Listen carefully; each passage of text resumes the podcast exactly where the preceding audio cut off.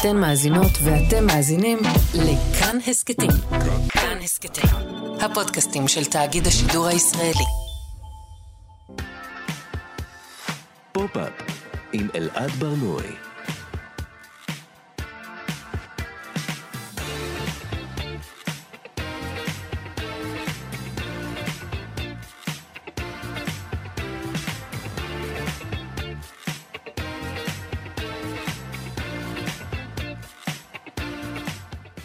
שלום, בוקר טוב, חג שמח, אתם על פופ-אפ. בכל שבוע אנחנו מדברים כאן על התרבות שמעניינת באמת, והיום אנחנו ביום שידורים מלכותי בכאן תרבות לכבוד פורים. אנחנו ב-105.3 ו-104.9 FM, ניתן להזין לנו גם כהסכת, באתר של כאן, ביישומון של כאן וביישומוני המוזיקה וההסכתים השונים. איתי באולפן טל ניסן שמפיקה את התוכנית, טכנאי השידור רועי קנטן, אני אלעד ברנועי, בואו נתחיל.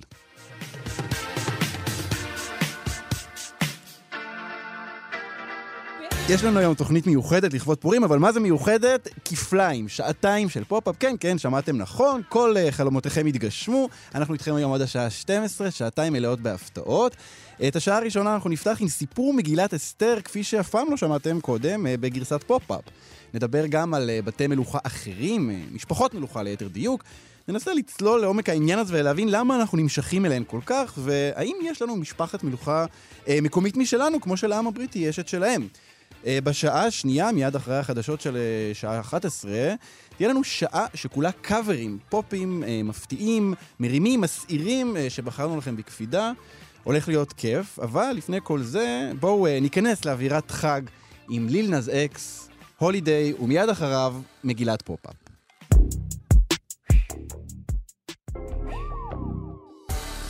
פופ-אפ עם אלעד ברנועי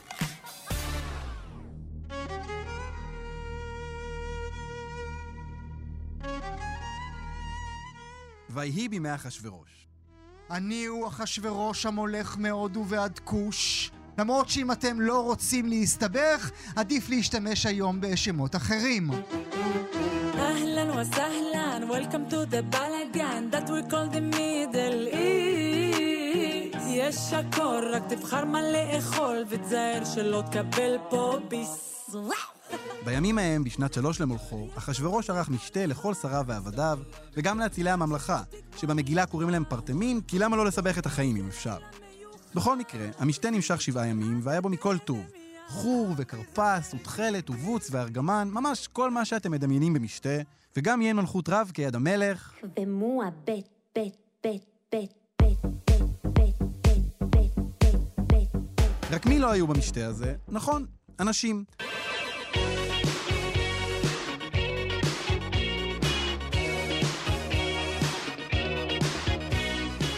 אבל אל תדאגו.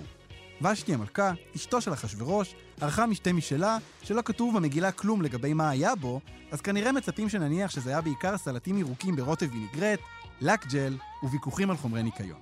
בכל מקרה, אחשורוש שלח את הסריסים שלו להביא את ושתי לפניו, בחדר מלכות, כדי שכולם יראו כמה היא יפה. אבל ושתי סירבה. תגידו לו שאני לא באה טוב, אני באמצע יושבת פה עם חברות שלי, וחוץ מזה, מה אני צריכה עכשיו שכל החברים הסוטים שלו יסתכלו עליי וישלחו ידיים? איכס. והסריסים אמרו לה, תגידי, מה, את נורמלית? הוא המלך. אבל ושתי אמרה להם... פמיניזם נשמות, גוגלית. ואחשוורוש כעס מאוד, וחמתו בערה בו, והוא אמר... שתבוא, שתבוא עכשיו. והיא אמרה... בחלום. והוא שאל... בטוחה? והיא ענתה... במיליון, אני שרה כל היום. תראה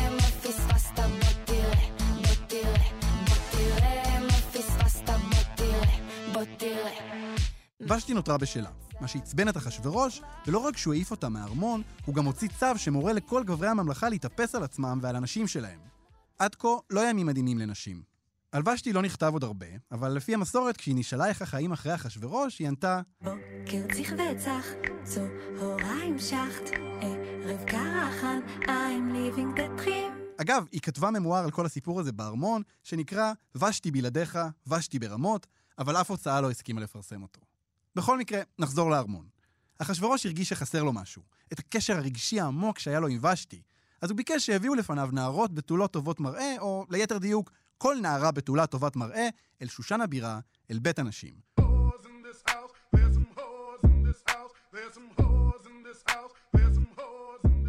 ומתוך כל אלה, אחשורוש יבחר לו את זו שהוא מרגיש שיש לו סיכוי הכי טוב לכונן איתה מערכת יחסים מאוזנת, הדדית, מכבדת ומיטיבה. I don't know what you heard about me. But a bitch can't get a dollar out of me. No Cadillac, no perms you can't see. Then I'm a motherfucking B.I.M.B. באותו זמן, יהודי בשם מרדכי ישב בשושן הבירה, וחלק את דירת שני החדרים שלו עם בת דודו, שהייתה ממש כמו בת בשבילו. היא ממש כמו בת בשבילי. אמרתי לכם. בכל מקרה, בשכונה קוראים לה הדסה בת אביחיל, אבל אני מעדיפה שתקראו לי בשם הבמה שלי. אסתר.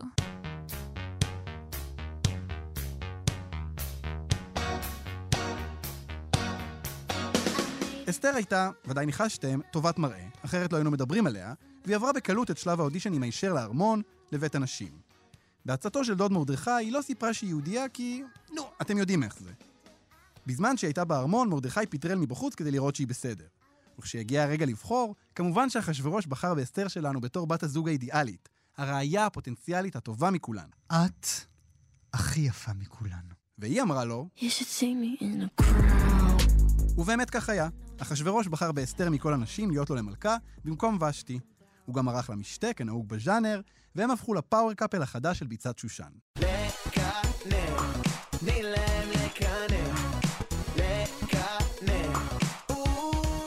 מרדכי, שקצת היה לו קשה לשחרר ממנה, המשיך לשבת בשער הארמון. מה שלבסוף דווקא התברר כרעיון טוב, כי כך הוא שמע מזימה של שני סריסים, בקתן ותרש, להתנקש בחייו של אחשורוש, שמשום מה הרגישו צורך לדבר על זה לידו. הוא לא שמע אגב מה הסיבה, ואין לסיפור הזה שום עדות אחרת. לא, אני אומר לכם, זה קרה באמת. אוקיי, בכל מקרה, הוא סיפר על המזימה הזאת לאסתר, שסיפרה זה לאחשורוש, והשניים נתלו על עץ, והדבר הזה נכתב בספר דברי הימים של המלך.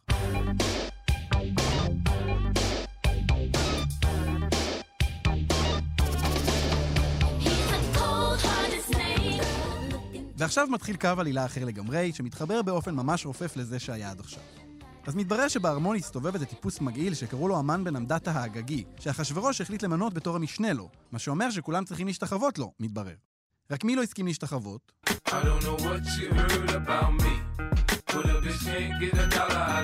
מרדכי, שעדיין ישב בשער המלך משום מה. מה רע לי? אני אוהב לשבת פה. המן התעצבן בטירוף מזה שמרדכי לא קרא ברך והשתחווה, אבל זה הביך אותו להורות להוציא רק אותו להורג. אז הוא החליט לעשות את הדבר ההגיוני, ולשלוח הוראה להרוג את כל היהודים במלכות אחשורוש.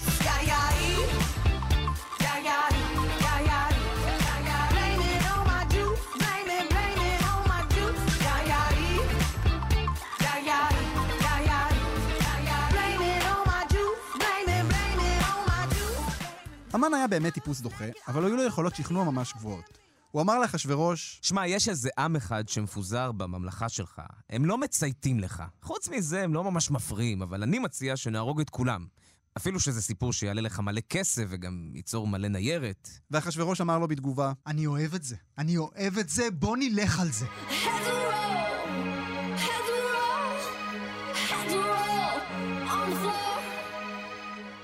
כמובן שמרדכי הזדעזע מכל הסיפור הזה, שאגב, די התחיל באשמתו, אבל הוא לא לוקח עליו אחריות בשום שלב במגילה, והוא קרע את בגדיו ולבש שק ואפר, ובא עד לשער המלך, כי לאן עוד הוא ילך?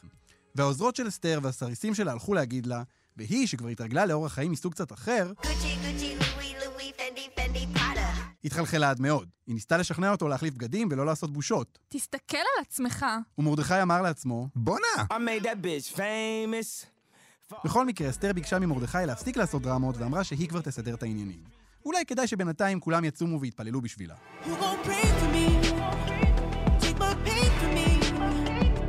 אז אחרי שלושה ימים של צום, אני מורעבת. אסתר התלבשה יפה. וארגנה משתה. כי כבר הבנו שבשושן, כשיש בעיה, מה עושים? מארגנים משתה. נו באמת, יש לי תוכנית. ובאמת הייתה לאסתר תוכנית. היא אמרה לאחשורוש שהיא רוצה להזמין את המן למשתה, אבל רק מחר. ואחשורוש, שכפי שלמדנו לא ממש נהג לשאול שאלות, אמר לה, יאללה, בכיף. ואגב, לא אמרתי לך, כל מה שאת רוצה, עד חצי המלכות. והיא אמרה לו, אמ, אין לי משהו שאני ממש רוצה. טוב, נראה, אול- אולי מחר. כי את קלאס באפס מאמץ. המן התרגש מאוד מהזמנה למשתה, אבל אז בדרך הביתה הוא ראה את מרדכי, שהיה, איך לא, בשער המלך, וחירב לו את המצב רוח. המן חזר הביתה וצעק, זרש! ואשתו ענתה לו, מה? והוא סיפר לה על כל הדברים הטובים שקורים לו בעבודה, ואיך אחשוורוש מרים לו, אבל שכל זה לא שווה לו שום דבר, כי המרדכי הזה מוריד לו את ה vibe. אז זרש אמרה לו, קודם כל, תבנה עץ. וקנית לי עץ ירוק מפלסטיק. אז אפילו שהיה מאוחר בלילה, המן בנה עץ בגובה 50 אמה, כדי שיתלו עליו את מרדכי, אפילו שמקודם הוא אמר שזה לא בכבוד שלו להוציא אותו להורג. ופה הסיפור נהיה כבר ממש מוזר. כי באותו זמן, אחשוורוש לא הצליח להירדם בלילה. קאט. שעה שלוש לפנות בוקר, אוכלת קורנפלקס במיטה. אז הוא חיפש את הספר הכי משעמם בארמון. תביאו לי את מלחמה ושלום, את ספר דברי הימים. אחשוורוש קרא לו בספר דברי הימים, ופתאום הוא נתקל בסיפור הזה של מרדכי עם בקתן ותרש, שאיכשהו קצת עבר מתחת לרדאר המלכותי. לא סיפרו לי כלום, בואנה צריך לפרגן למרדכי הזה. מה נעשה? למחרת אחשוורוש התייעץ עם היועץ הבכיר שלו, המן, מה לעשות באיש אשר המלך חפץ בעיקרו. ומשום מה לא אמר לו שהאיש הזה זה מרדכי. המן בטוח שמדובר עליו, אז הוא אמר לו, מה שצריך לעשות זה להלביש אותו בבגדים שאתה לבשת, ובסוס שאתה רכבת עליו, ולשים לו כתר מלכות על הראש ולהרכיב אותו ברחובות העיר ולקרוא ככה יעשה לאיש אשר המלך חפץ בעיקרו. מאוד ספציפי. ואחשוורוש אמר להמן, אמני, אחלה רעיון, מעולה. אז מרדכי, כן? מהשער, קח אותו, תרכיב אותו, כמו שאמרת. והמן אמר, לא הבנתי, אני צריך לעשות את זה? ואחשוורוש ענה לו, ששש, ששש, ששש, מהר. קח אותו, אין זמן, זה גם נהיה לי דחוף, כי פתאום דברים דחופים לי מאוד, זה הגיוני מאוד, זה יסתדר בסוף הסיפור. ובאמת המן לקח את מרדכי לסיבוב בעיר, כשהוא לבוש בבגדי מלכות, וקרא... ככה יעשה לאיש אשר המלך חפץ בעיקרו. עכשיו, צריך להזכיר שבזמן שקו העלילה הביזארי הזה קורה, המשתה שאסתר ארגנה ממשיך. יא חביב, אלבי, אלבי, אלבי, אלבי, אלבי. ופתאום הסריסים נבהלו ואמרו, רגע, הרי אמרנו שנביא את המן אל המשתה של אסתר, שכחנו מהקטע הזה לגמרי. ומהר מהר הם באו לקחת אותו למשתה. שמעתי שעושים פה מסיבה בלעדיי, אף אחד לא עושה את זה יותר טוב ממני. והמן באמת הגיע למשתה, ואז משום מה דווקא אז אחשוורוש פתאום נזכר להגיד לאסתר, אסתר כפרה, זוכרת שאמרתי לך אתמול שמה שאת רוצה תקבלי עד חצי המלכות? זה תקף גם היום. ואסתר התחילה לבכות. ואחשוורוש אמר לה, טוב, מה את בוכה עכשיו, חיים? ואסתר אמרה לו, זה המשתה שלי, ואני אבכה אם אני רוצה. והוא אמר לה, אוקיי, אבל למה את בוכה? והיא ענתה לו, אה, כי לא אמרתי לך, אבל אני יהודייה? והמן הזה שלך החליט להשמיד את כל העם היהודי? וגם אותי בתוך זה. ואחשוורוש המזועזע אמר, לא ממש אכפת לי מהיהודים קראת להם, אבל להמן באמת נראה שהוא יעשה משהו לאשתי? שתי סתירות! תהרגו אותו! אני קלאס באפס מאמץ, זה באפס ממ"ד, באפס מאמץ. זה באפס ממ"ד. ואז חרבונה, סריס עם נשמה של זהב, הסב את תשומת לב כולם שאיזה קטע, בדיוק יש שם עץ פנוי בגובה 50 אמה. והם תלו את המן על העץ, ואחשוורוש נרגע, והכל הסתדר. It, it, it, אבל הסיפור שלנו לא נגמר כאן. כי הרי הגזרה להשמיד את כל היהודים עודנה עומדת. אז אחשוורוש נתן לאסתר את הבית של המן, וגם נתן לה ולמרדכי את טבעת המלך, ואמר לה, תעשו עם זה מה שאתם רוצים. והם הפכו את רוע הגזרה, ומרדכי יצא מלפני המלך בלבוש מלכות של בלנסיאגה, והעיר שושן צהלה ושמחה, והייתה אורה ושמחה וששון ועיקר.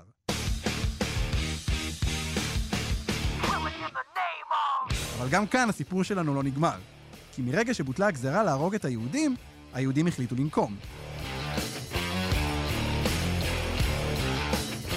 ויכו היהודים בכל אויביהם, מכת חרב והרג ואובדן, ויעשו בשונאיהם כרצונם, אבל חשוב לציין, לא לקחו כלום בביזה, וגם את ילדיו של המן ואת אשתו זרש הם תלו על העץ, ומרדכי היהודי הפך למשנה למלך אחשורוש, וגדול היהודים, ורצוי לכל אחיו, דורש טוב לעמו, ודובר שלום לכל זרעו.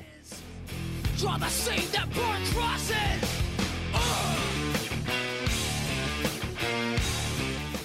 זו הייתה מגילת פופ-אפ, תודה לכל המשתתפים והמשתתפות, גואל פינטו בתור אחשורוש, מאיה סלע בתור ושתי, יובל אביבי בתור מרדכי, נועה רוקני בתור אסתר, אמיתי פוקמן בתור המן, ואיציק יושע בתור זרש. תמיר צובר ערך את הסאונד, והמספר שלכם אה, הוא אני, אה, אלעד ברנועי, למקרה שלא זיהיתם.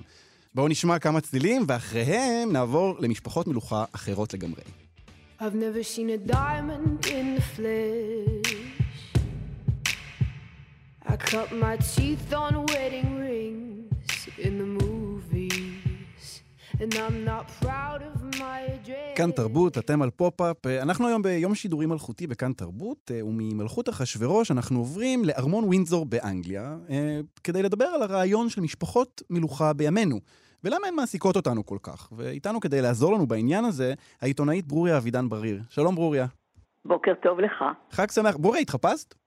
לא, לא, לא, באמת, אני כבר, אה, כבר מעבר לגיל התחפושות. אוקיי. כבר הנכדים שלי לא מתחפשים, אז אתה שואל אותי. כבר דורות של אנשים שלא מתחפשים. לא, לא, לא. אמ, ברוריה, תראה, אה, פתחתי עם אה, משפחת ווינזור. כמובן שזו, כשמדברים על משפחת מלוכה, זו, זו המשפחה הראשונה שעולה לראש, משפחת המלוכה הבריטית. אמ, למה אנחנו מתעניינים בה, מסתקרנים לגביה באופן שבו אנחנו מתעניינים בה? מכיוון שאנשים שואפים לזוהר, לסיפורים גדולים מן החיים, ומשפחות המלוכה מספקות את הטלנובלה הגדולה של החיים. מספקות במשך עשרות שנים. אבל אני חושבת שלמעט בריטניה או דנמרק, שזה מדינות דמוקרטיות עם מלכים, שזה יותר סמלים, אם אתה מדבר על משפחה מלכותית בדמוקרטיה, יש לה בכלל מאפיינים שונים לחלוטין מארמון ווינזור בקינגהם. אוקיי.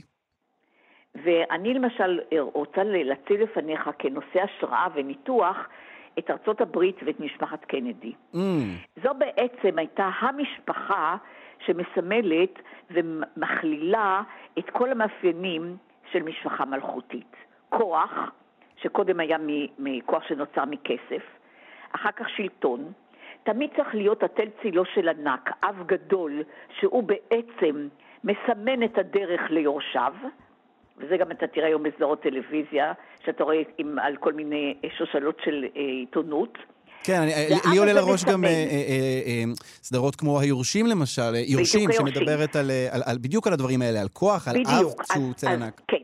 אז, אז האב הזה סימן לו את בנו הבכור כנשיא ארצות הברית, אבל הבן נהרג במלחמה, טייס, ואז ג'ון קנדי קיבל את המשימה. כן. עכשיו, כל האלמנטים שאתה רוצה, רצח, בגידה, נשים, אה, העלמות מסמכים, טרגדיות, מטוס נופל, אה, אה, אחות מפגרת, כל מה שאתה רוצה נמצא במשפחות האלה. עכשיו, כשאתה אומר משפחה מלכותית, אתה לא יכול לדון רק במשפחה אחת על 40 או 50 שנות יובל, או שנות יובל, לא. זה צריך להיות רצף של כמה דורות, רק זה מבסס אותה והופך אותה למשפחה מלכותית.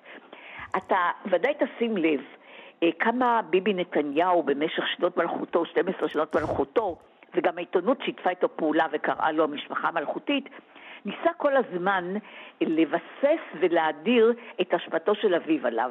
כן. מכיוון שהאב הוא המייסד השושלת, ואז אני דור שני, ואז אני מנסה להפוך את יאיר לדור שלישי, מה שלא לא קרה. אז, אבל, לא על, אבל על. פניו נראה שיש כאן את כל החומרים ל, ל, לסיפור, אה, גם אה, סיפור טרגי גם, יש גם את יוני נתניהו שם, כלומר זה ממש בדיוק. כל גם החומרים. כאן האב, האב יעד את בנו בכורו להיות אה, ממשיך השושלת, ר- רמטכ"ל סלש ראש ממשלה. כן. לא קרה, נהרג באנטבה, ואז המלוכה עוברת ל- לביבי נתניהו, והרבה פעמים הוא גם אמר, הוא גם אמר שהוא לא היה בדיוק כשר להיות ראש ממשלה. בואו נחזור אבל למשפחה שלנו המלכותית, שיש לנו. אנחנו דיברנו על קנדי. רגע, אבל, ונדבר- אבל, אבל ברור, אני רוצה רגע להישאר על, על משפחת נתניהו, כי את, את בעצם אומרת שהם לא משפחת מלוכה, אבל אני, ש... לא. אני שומע שיש פה את כל החומרים. גם בגידה, יש בת מנישואים קודמים, כלומר, על פניו זה נשמע כמו משפחת כן, ה- אבל היא המלוכה לא, היא המושלמת. חס ושלום לא מחוץ לנישואים, כמו שאומרים במשפחות אחרות, כן. של מלכים. לא, היא נולדה מנישואים, עם אשתו הראשונה עם מיקי הרן. כן. אז אה, לכן, אה, אבל ברגע שהרצף נקטע, ברגע שהוא הודח מ-12 שנות מלכותו, אז הכיסא המלכותי הוא כבר לא קביל. כלומר, הגורם משמעותי כאן זה העניין של הרצף, וברגע שנגדל... של הרצף. כלומר, גם אם יאיר עכשיו ייבחר אה, אה, לראשות ממשלה, זה, לא מספק אותנו כמשפחת מלוכה. זה כן יספק כן? אותנו, אבל זה לא יקרה, זה הפנטזיה שלך כמראיין, אבל זה לא ריאל פוליטיק. ולכן תרשה לי להחזיר אותך דווקא למשפחת דיין. אוקיי. זאת הייתה המשפחה היחידה המלכותית שהייתה לנו בתולדות הדמוקרטיה הישראלית שהתחילה ב-1948. אז יש לך את האב של משה דיין שהיה חבר כנסת, נהלל, זה מלח הארץ, ישראל הטובה והישנה, משה דיין, הפציעה, הרתיעה, הגנרל, הרמטכ"ל, השר, הטרגיות. אה, וכמובן הנבגדות, הנשים, הביזה הארכיאולוגית, הילדים, שכל אחד מהם פרץ דרך בתחומו, מיעל דיין ועד אסי דיין, וכיום מה נשאר? נשאר ליאור דיין, שמתרפק על זכר אביו, אגב, בחור מאוד מאוד מוכשר, כותב יוצא מן הכלל, כן. אבל האגדה, אמות האם המייסדת, רות דיין, היא בעצם גם כן. אולי יכול להיות שבעוד אה, עשר שנים, שיגידו דיין, יגידו, איפה הרחוב הזה? לא, אבל רגע, אבל נותרו, יש, יש, יש לנו את, אה, את עוזי דיין, את אילנה דיין, אה, יונתן גפן כמובן. אבל אילנה דיין לא שייכת למשפחת דיין.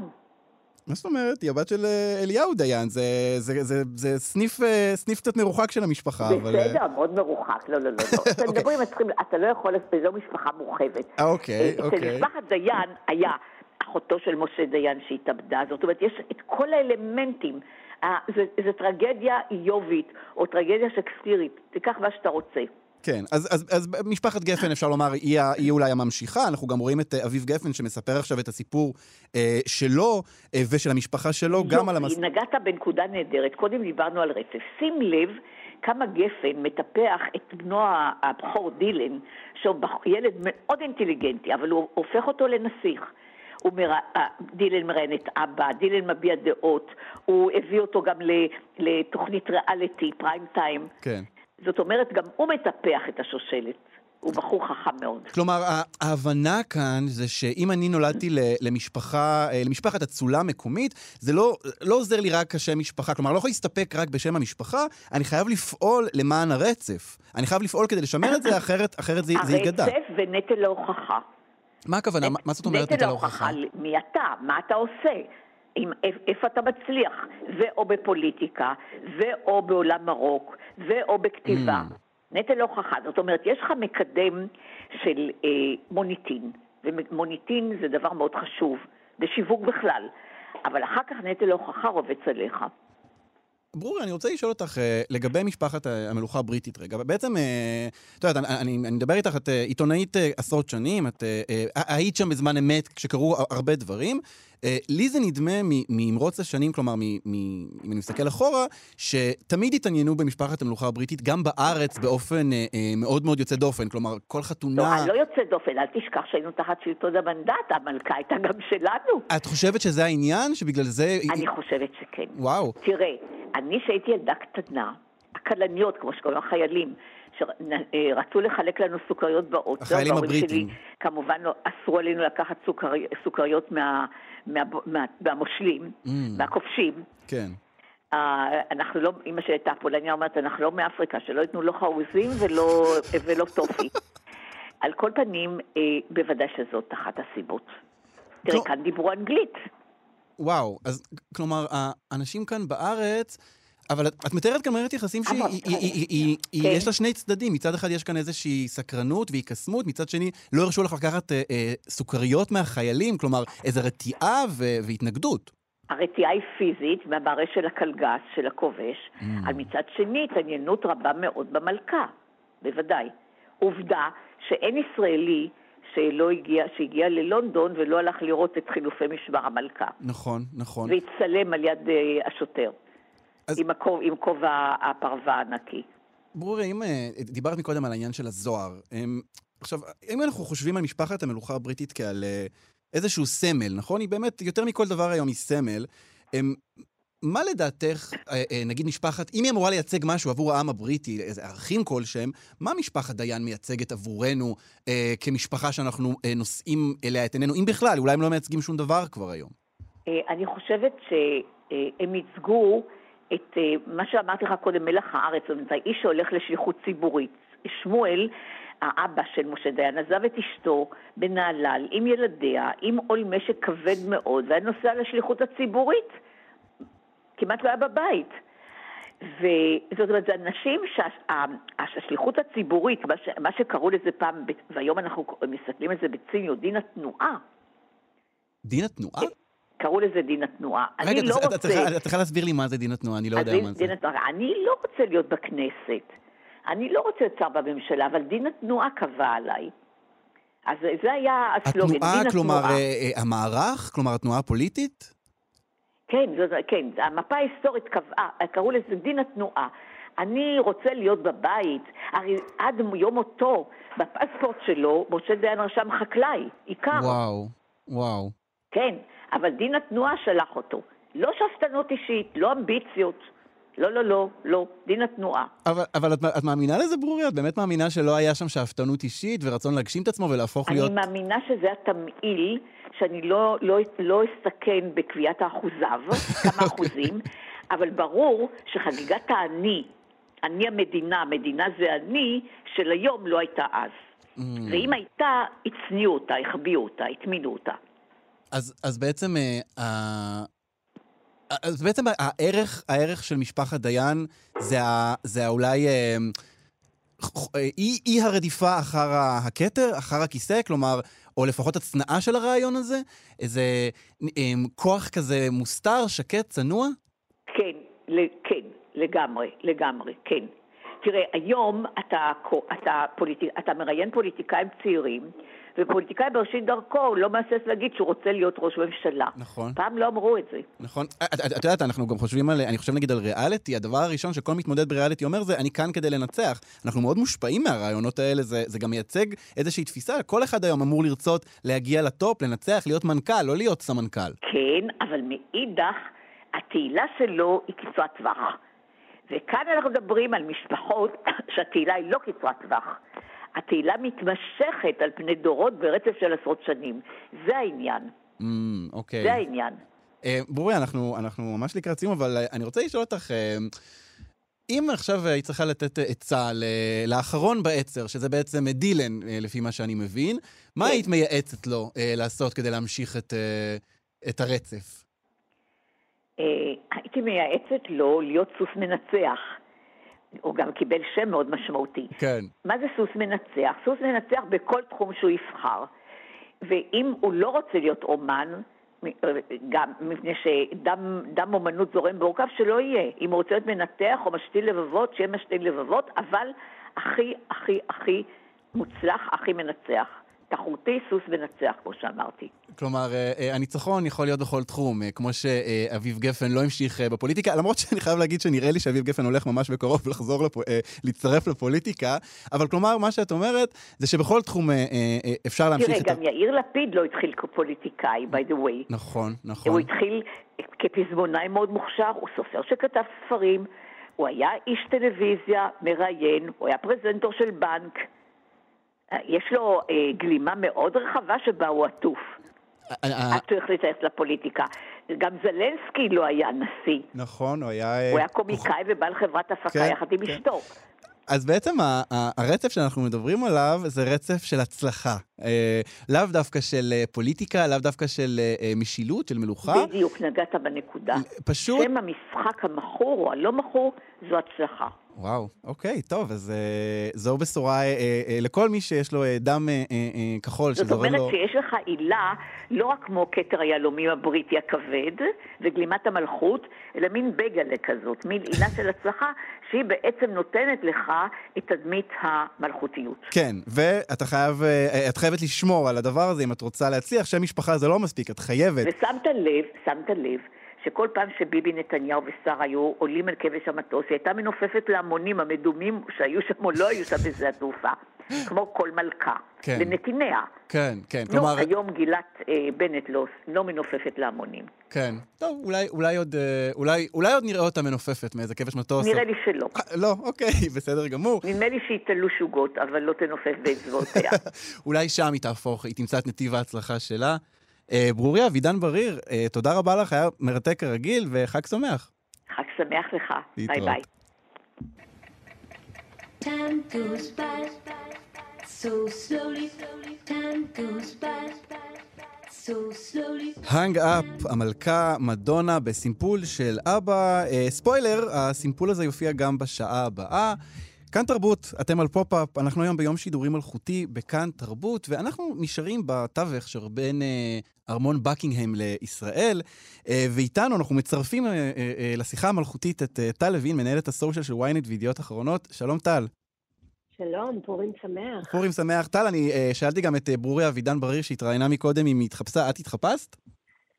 אני לא מהמתחפשות, אני, אני לא מהמתחפשות, אבל בדיוק עבר פה במערכת שלנו חבדניק חמוד עם וודקה, אז אני, אתה יודע, חבדניק אמיתי או- הדרכים או- או- או-. או איש בתחפושת של חבדניק? לא, לא, אמיתי, אה, אוקיי, לגמרי. אוקיי. אז גם- הוא לא מהמתחפשים, אני מבין. גם אני הוא לא. שם שרשרת פרחונית כזאת, זה נראה לי הכי. השתוללות ש...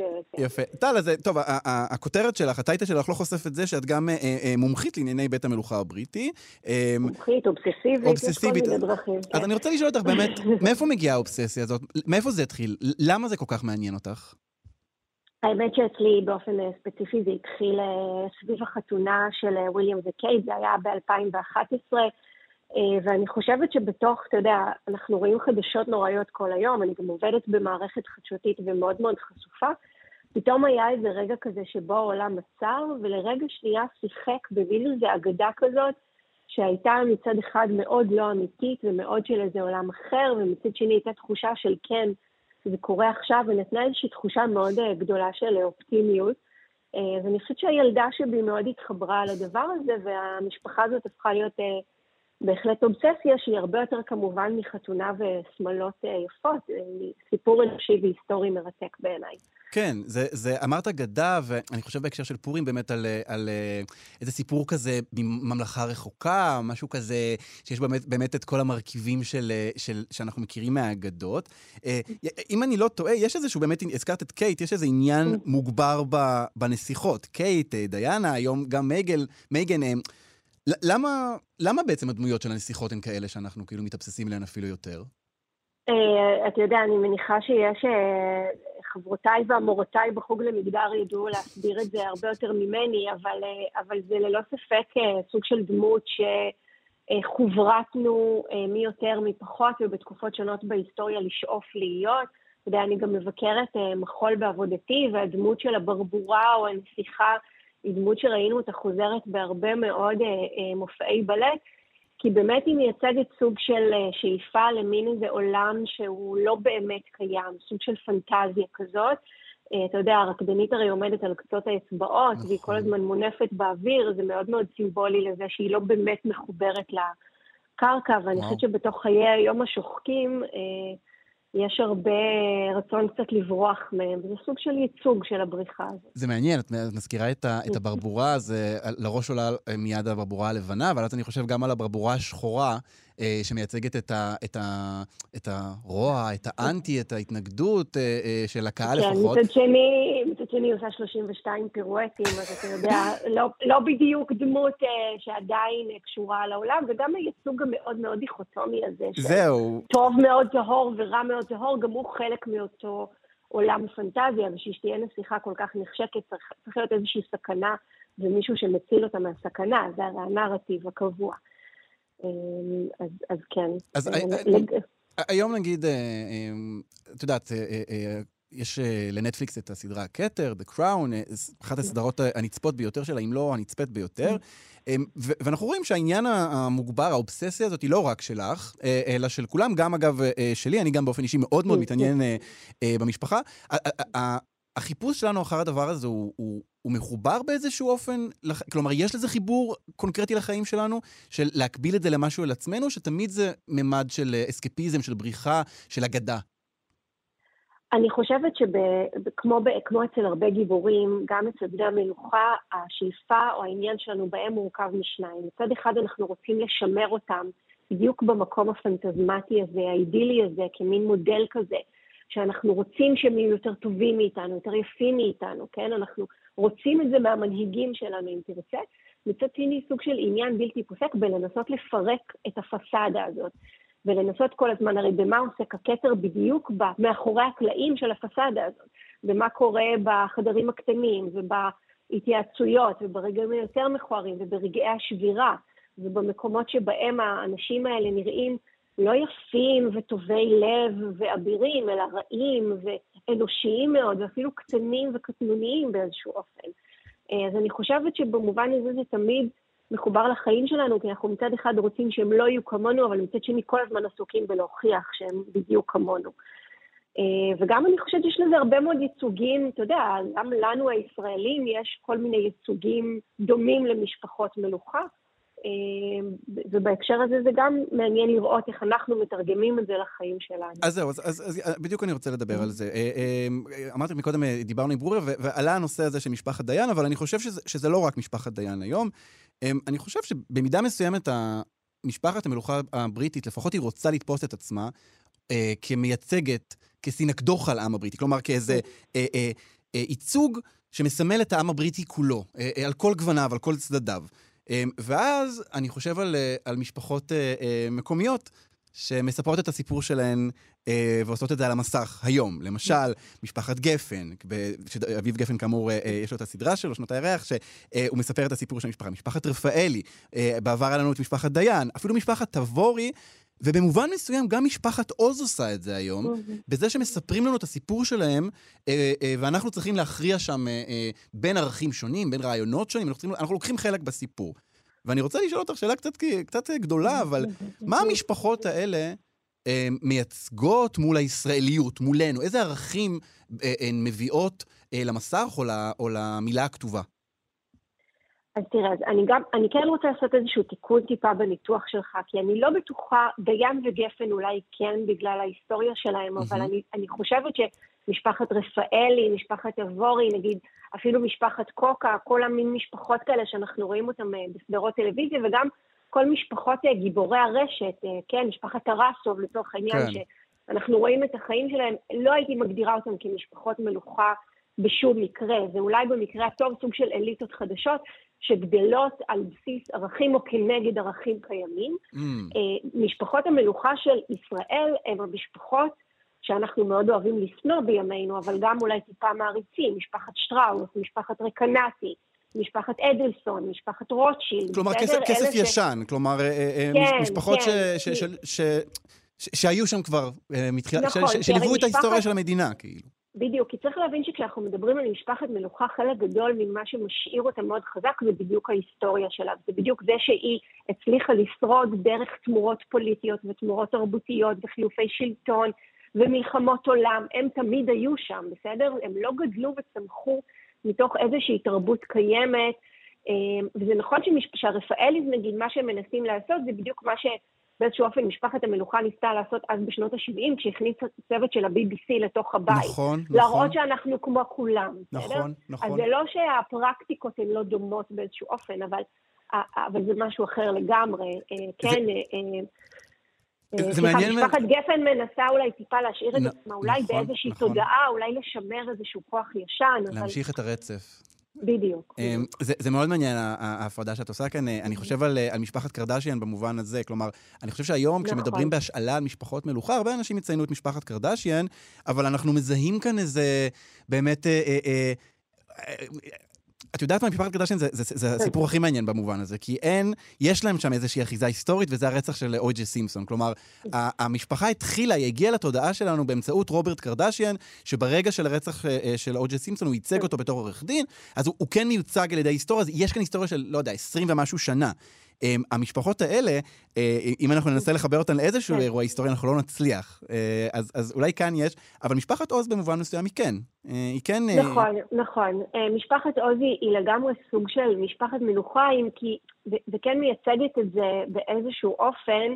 אני חושבת, נגיד, אה, על ספר נפלא של, אה, של הסופרת אה, רחל איתן, שאני, שדווקא אה, עלתה לגדולה בעקבות אה, הרומן הראשון שלה, ברקיע החמישי, אבל דווקא הרומן השני שלה, שהיא ספגה עליו המון ביקורת, שידה ושידות, מתפרסם ב-1974 ומתאר בדיוק את חוג הסילון התל אביבי, שהם אותם אה, בני דור המדינה, שהם בני העולים החדשים, אנשי צבא, אנשי תרבות, אבל הם כולם אנשים שכן נאחזים בסוג של אליטה ישנה כזאת, ומנסים להתחבר לסוג של אמריקניזציה, ודווקא היא מתארת מאוד באיזה אופן האופוריה הזאת והגאווה המאוד ישראלית הזאת התנפצה להם בפנים, אה, אז נגיד במלחמת יום הכיפורים, ואני חושבת שבאמת לא סתם אנחנו רואים פחות ופחות אה, משפחות כאלה, והמשפחות שאנחנו כן רואים, אתה יודע, אני חושבת על מערכת יחסים של, של הציבור הישראלי עם שרי אריסון נגיד, שנורא כן. מנסה בדרכה המשעשעת, או ה... לא יודעת, אולי, מגושמת קצת, תרצה. כן.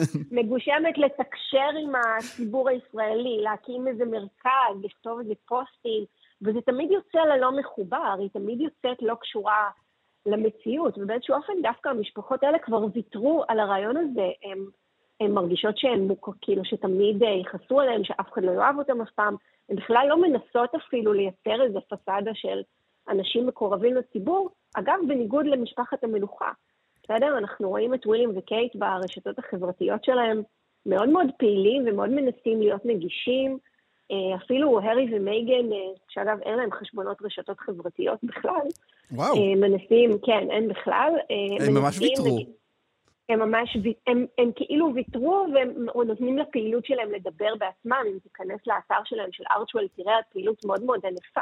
וגם אני מזכירה שנגיד, אני חושבת שזה היה טיים מגזין, כן שם אותם כ- כאחד מהאנש, מהזוגות המשפיעים ביותר בעולם ב-2021, אז, אה, אז אני חושבת שכן, הם מנסים בדרכם אה, אה, לעשות דברים, אבל עדיין נשארים גם אלה באחוזה שלהם בלילי וגם אלה באחוזה שלהם שם, עדיין הם, הם מאוד מאוד untouchable, כן? הם כן. לא אנשים שאתה רואה אותם ברחובות לונדון עושים קניות בסופר, עם כל הכבוד. טל, אם אנחנו נעשה איזושהי אה, אה, קריאה ערכית בין, בין שני סוגי המשפחות האלה, המשפחות הישנות, הדם הישן, הכחול, אה, לעומת המשפחות החדשות, אנחנו נזהה איזשהו הבדל, או שכולן, בסופו של דבר, הערך המרכזי שהן מייצגות זה פשוט כוח? אמ, לא, אני חושבת שהערכים הם, אני חושבת שהערכים הם מאוד שונים. אני חושבת שבסוף, אתה יודע, אמ, גם משפחת רפאלי, גם כל המשפחות החדשות, אה, לא קמו מתוך איזשהו, זאת אומרת, הפרסום שלהם לא הגיע מתוך איזשהו ערך.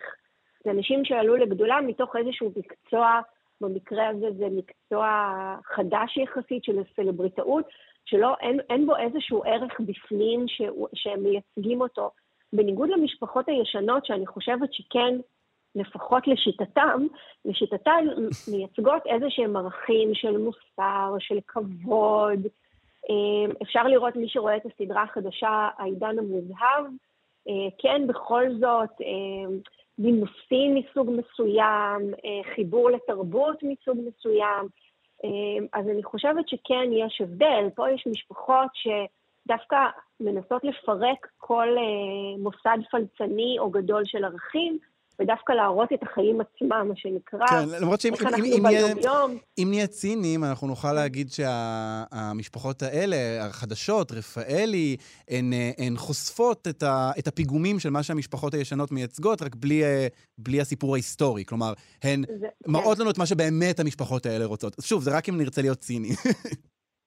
כן, ואני חושבת, אגב, שבשני המקרים, מה שמשותף לכל המשפחות האלה יחד, זה שלא משנה כמה הם ינסו להציג את עצמם כאמיתיים, עדיין הן מאוד נהנות מהכוח אה, שניתן להם על ידי האנשים שעומדים מהצד השני של הגדר ומסתכלים עליהם בהערצה.